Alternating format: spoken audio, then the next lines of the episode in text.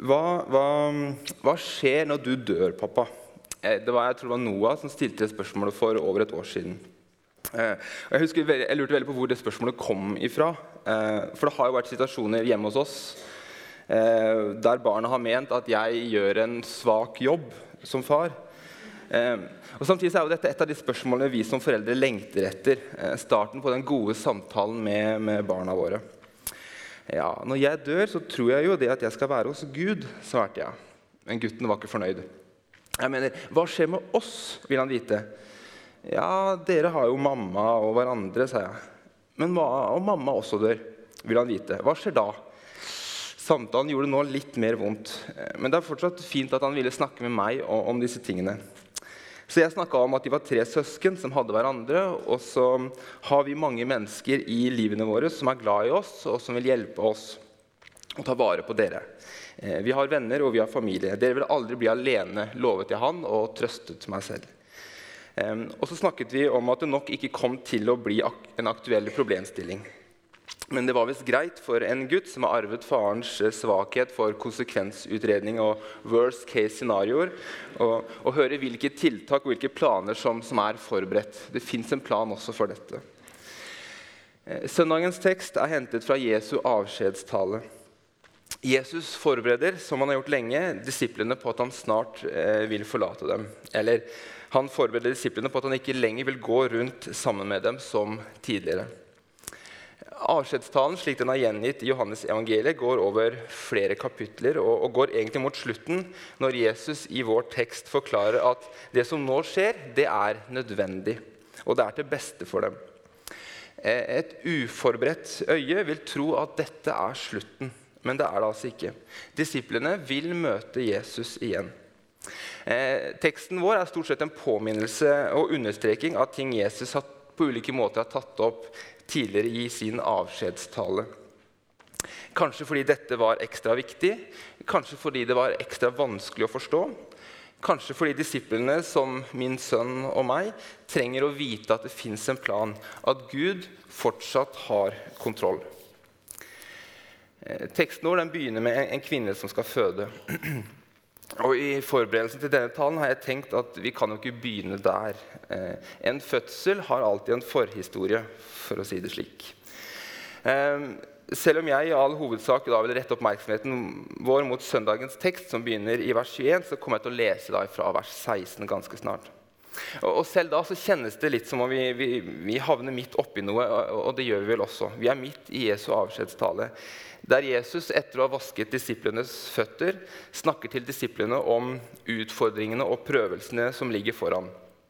Om forræderen Judas, om Peter som skal svikte, og verden og menneskene rundt dem som vil gjøre livene deres vanskelig. Eh, Jesus har også snakka om seg selv, om hvem han er, og, og hva det betyr for oss. Jesus har snakka om en ny og tett relasjon til Gud, og han har lovet dem en ny talsmann, Den hellige ånd. Og videre, nesten med en gang etter vår tekst, sier Jesus, så avslutter Jesus med å, med å be for sine disipler. Eh, og oss som er kristne i dag. Eh, og jeg har tenkt at eh, Slik er det for oss alle, er det ikke det? Eh, når vi har sagt det som er å si, når vi har gitt våre enten det er barn eller venner eller disipler, den undervisningen og den opplæringen som vi har, og de er klare for å ta imot, så har vi ikke så mye annet å gjøre enn å legge alt sammen i Guds hender. Eh, men før vi kommer dit, så har altså Jesus et par ting på hjertet. Og Vi skal lese sammen i Johannes evangeliet, eh, kapittel 16. og Jeg kommer da til å lese fra vers 16. Og da kan dere få reise dere.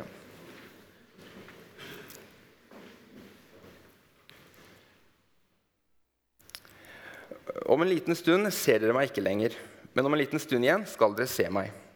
Da sa noen av disiplene hans til hverandre, hva mener han med å si om en liten stund ser dere meg ikke lenger, men om en liten stund igjen skal dere se meg, og jeg går til far. Hva mener han med om en liten stund?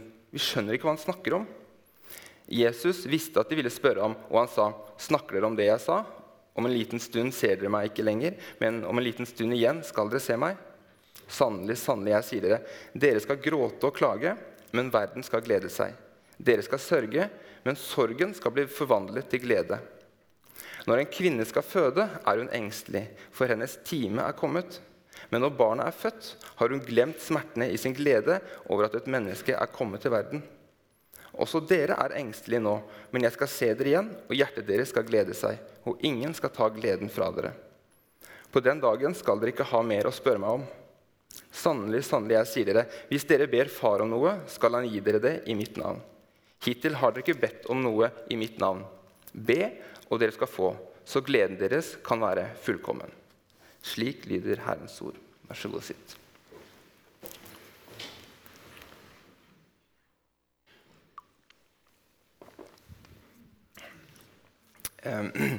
ja, jeg burde kanskje sagt det um, før jeg leser teksten, men det får komme nå. Um, jeg tenker på dette med timingen. Hvorfor denne teksten nå? Hvorfor ikke fullt fokus på jul? Denne søndagen i kirkeåret, eh, den andre i kirkeåret, den andre søndag i advent, eh, det er søndagen der vi kristne minner hverandre om eh, at det å vente på Frelseren for oss handler om mer enn barnet i krybben. Andre søndag i advent da retter vi oppmerksomheten mot Jesu løfte om at han vil komme igjen. Jesus skal komme igjen og ta oss til seg. I trosbekjennelsen så sier vi noe slikt som at Jesus for opp til himmelen og sitter ved Gud, den mektige høyre hånd, og skal derfra komme igjen for å dømme levende og døde. Eh, men denne søndagen handler ikke om dommen. Eh, domssøndag det hadde vi for eh, et par uker siden. Nå er det forventningen til å se Jesus igjen som på en særlig måte settes i fokus. Og så henger selvsagt disse tingene sammen, men målet for dagen er altså å minne hverandre om håpet vi har i Jesus. Eh, men før vi kommer til advent, så skal vi se litt nærmere på teksten. Eh, for Så langt jeg kan forstå, eh, så er det et lite sprang mellom teksten i sin si, litterære kontekst og teksten i sin liturgiske kontekst. Og det, var, dessverre litt for å tøffe meg. Det var litt vanskelig formulert. Poenget mitt er at denne delen av Jesu avskjedstale ble på en særlig måte gitt til Jesu disipler. Og det ble gitt i en sammenheng med en hel del andre poeng i samme tale. Eh, samtidig er Guds ord slik at det også henvender seg til oss som, som leser dette uten selv å ha vært til stede da Jesus talte. Eh, vi kan kanskje si at eh, det er noe profetisk over det Johannes skriver. For det, Johan, for det, Jesus sier, det har en umiddelbar sammenheng for disiplene. Men det har også noe som er særlig aktuelt for de kristne Johannes skrev til, og for deg og meg som lever her i Oslo i adventstida 2018. Eh, og jeg tror jeg siterer dette hver gang jeg, taler om en Johannes-tekst her i misjonssalen. Men det er altså sagt om Johannes-evangeliet at det er som en, som en, dam et barn kan leke i, og en elefant kan drukne i. Eh, og nå skal ikke jeg påstå at jeg skal ta med dere på de store dybdene, eh, men, men, jeg sier det mest for at dere skal vite at det er mer her. Det er mer i denne teksten. Det er mer her for oss. Johannes 16, 21-24, altså søndagens tekst, det er en forklaring i tre deler. Og Bakteppet er som sagt Jesu avskjedstale, men også disiplenes spørsmål til Jesus. Når vi leser avskjedstalen i sin helhet, så kan vi iblant få inntrykk av at disiplene de er eh, meldt seg på et kurs, eh, en forelesningsrekke, som de ikke var kvalifisert til. De skjønner ikke helt hva det er han snakker om. De forstår ikke sammenhengene, og de får ikke dette til å gå helt opp. Eh, når det er sagt, så skal jeg være den første selv om jeg neppe er det, den første også, til å innrømme at dette er vanskelig å forstå. Vanskelig selv for meg som har lest slutten. For disiplene må det ha vært fryktelig vanskelig. Jesus hjelper dem på vei med en eh, tredelt forklaring i vår tekst.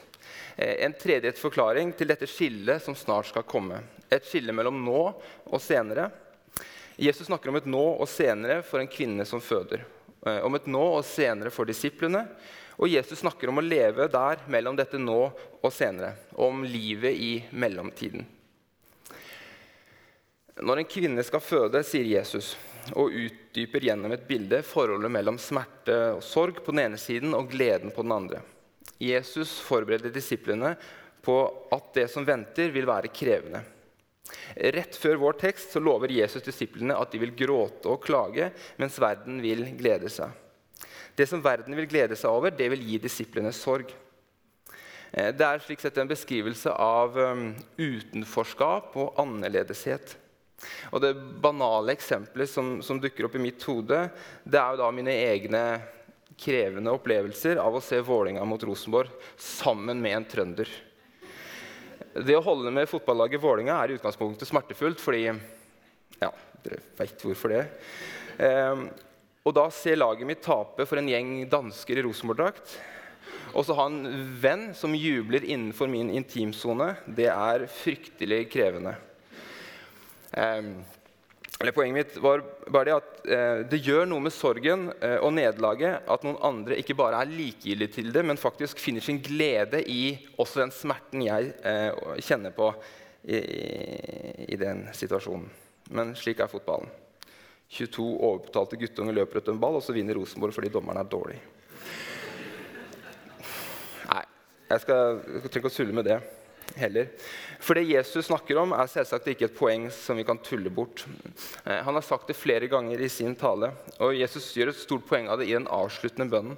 Eh, det er forskjell mellom Jesu disipler og verden, mellom oss kristne og verden. Når nå Jesus om under et døgn skal korsfestes og dø, så vil vekten av denne forskjellen den vil bli mer enn disiplene kan bære. Litt slik kanskje flere av oss kan ha opplevd det. Jeg mener å ha hørt at Ni av ti studenter skjuler eller unngår å fortelle om sin egen tro fordi det er enklest slik. Mange kan kjenne på det i jobbsammenheng. Eh, når samtalen dreier inn på et visst tema, så kan vi føle oss litt som en raring, som en outsider, som annerledes. Ikke helt som de andre når vi takker nei til ikke, alkohol på julebordet, eller når vi unngår å le av sjefens grovis litt senere på kvelden. Eh, det er mange muligheter her i livet til å kjenne på annerledeshet. Eh, som ikke alltid er enkelt, enkel å bære. Eh, og Det kan høres kult ut når vi snakker om oss mot verden, men saken er at vi aldri egentlig har ønsket å være mot verden. Vi ønsker å være her for verden. Og Kanskje nettopp derfor er det så krevende å bli plassert utenfor, føle oss utenfor. Og så er det Jesus snakker om, selvsagt mer enn et sosialt ubehag.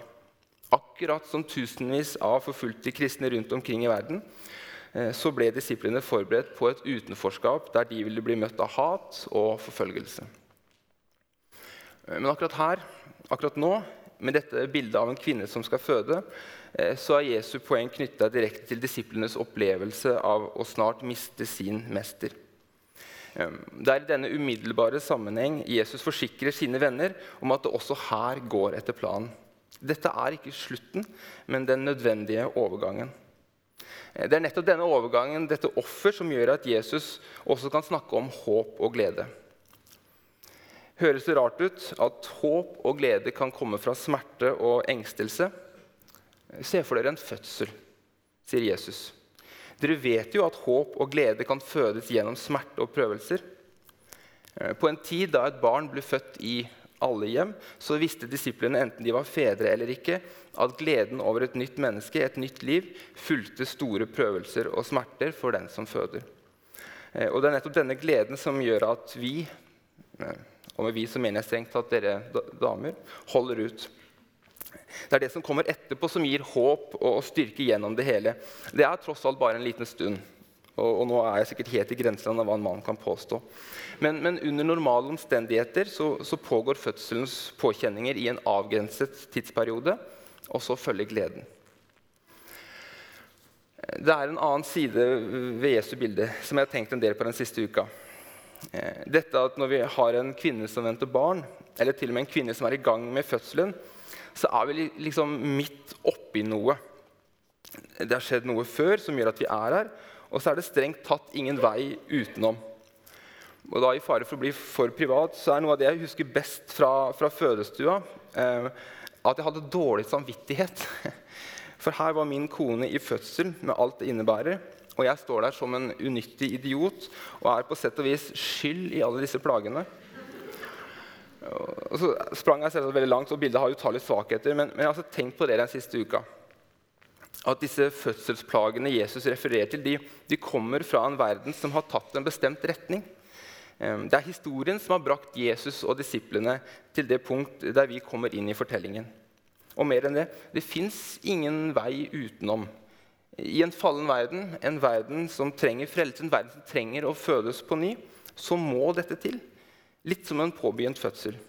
Så finnes det ikke noe alternativ til Jesus eller oss. Skal det bli liv for oss, evig liv, fullkommen glede, så må dette skje. Og så sitter kanskje du her og har studiepoeng i medisin eller anatomi. Eller kanskje du bare har husets medisinske oppslagsbok hjemme. jeg vet ikke, Og tenker at det er flere svakheter ved dette bildet.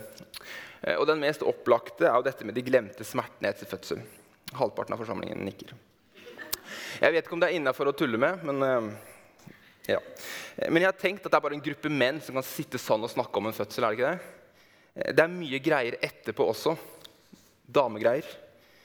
Eh, men det tar selvsagt ikke bort eh, det store poenget om at etter smerten og engstelsen så kommer gleden over et nytt liv.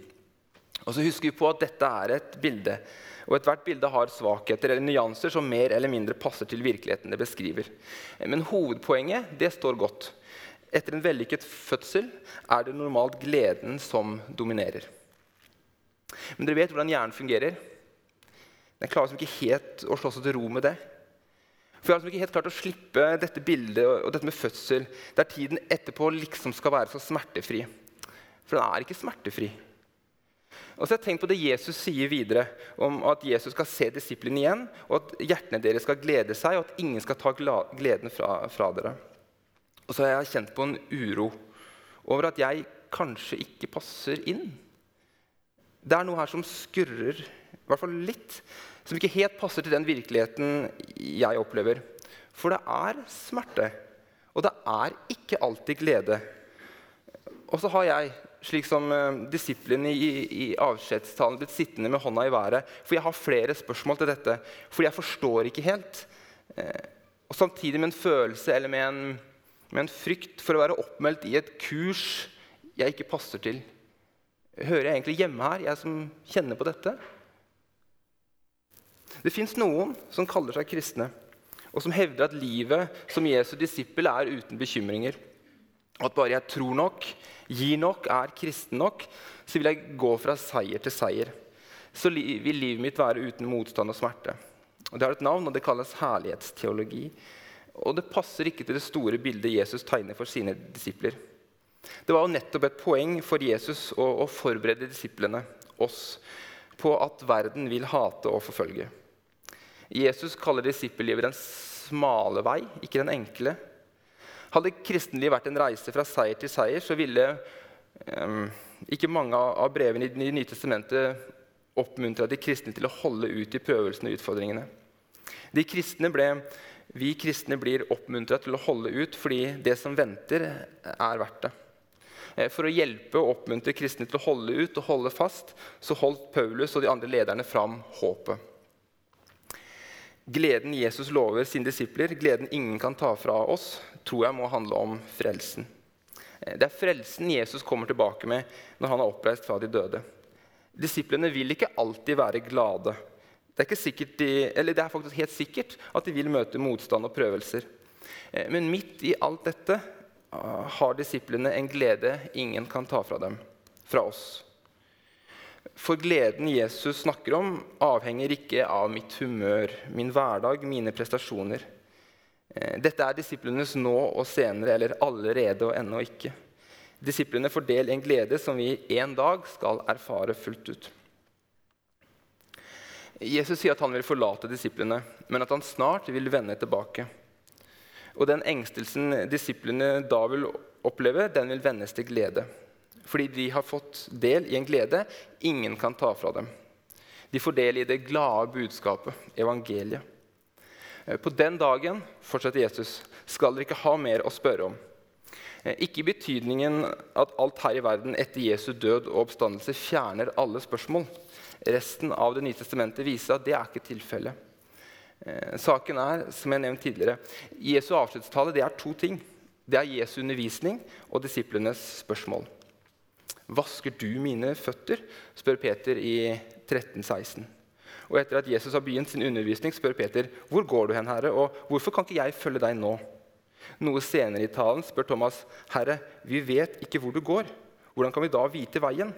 Og mens Jesus forklarer at han er veien, sannheten og livet, forbereder Philip sitt spørsmål om Jesus kan vise dem far.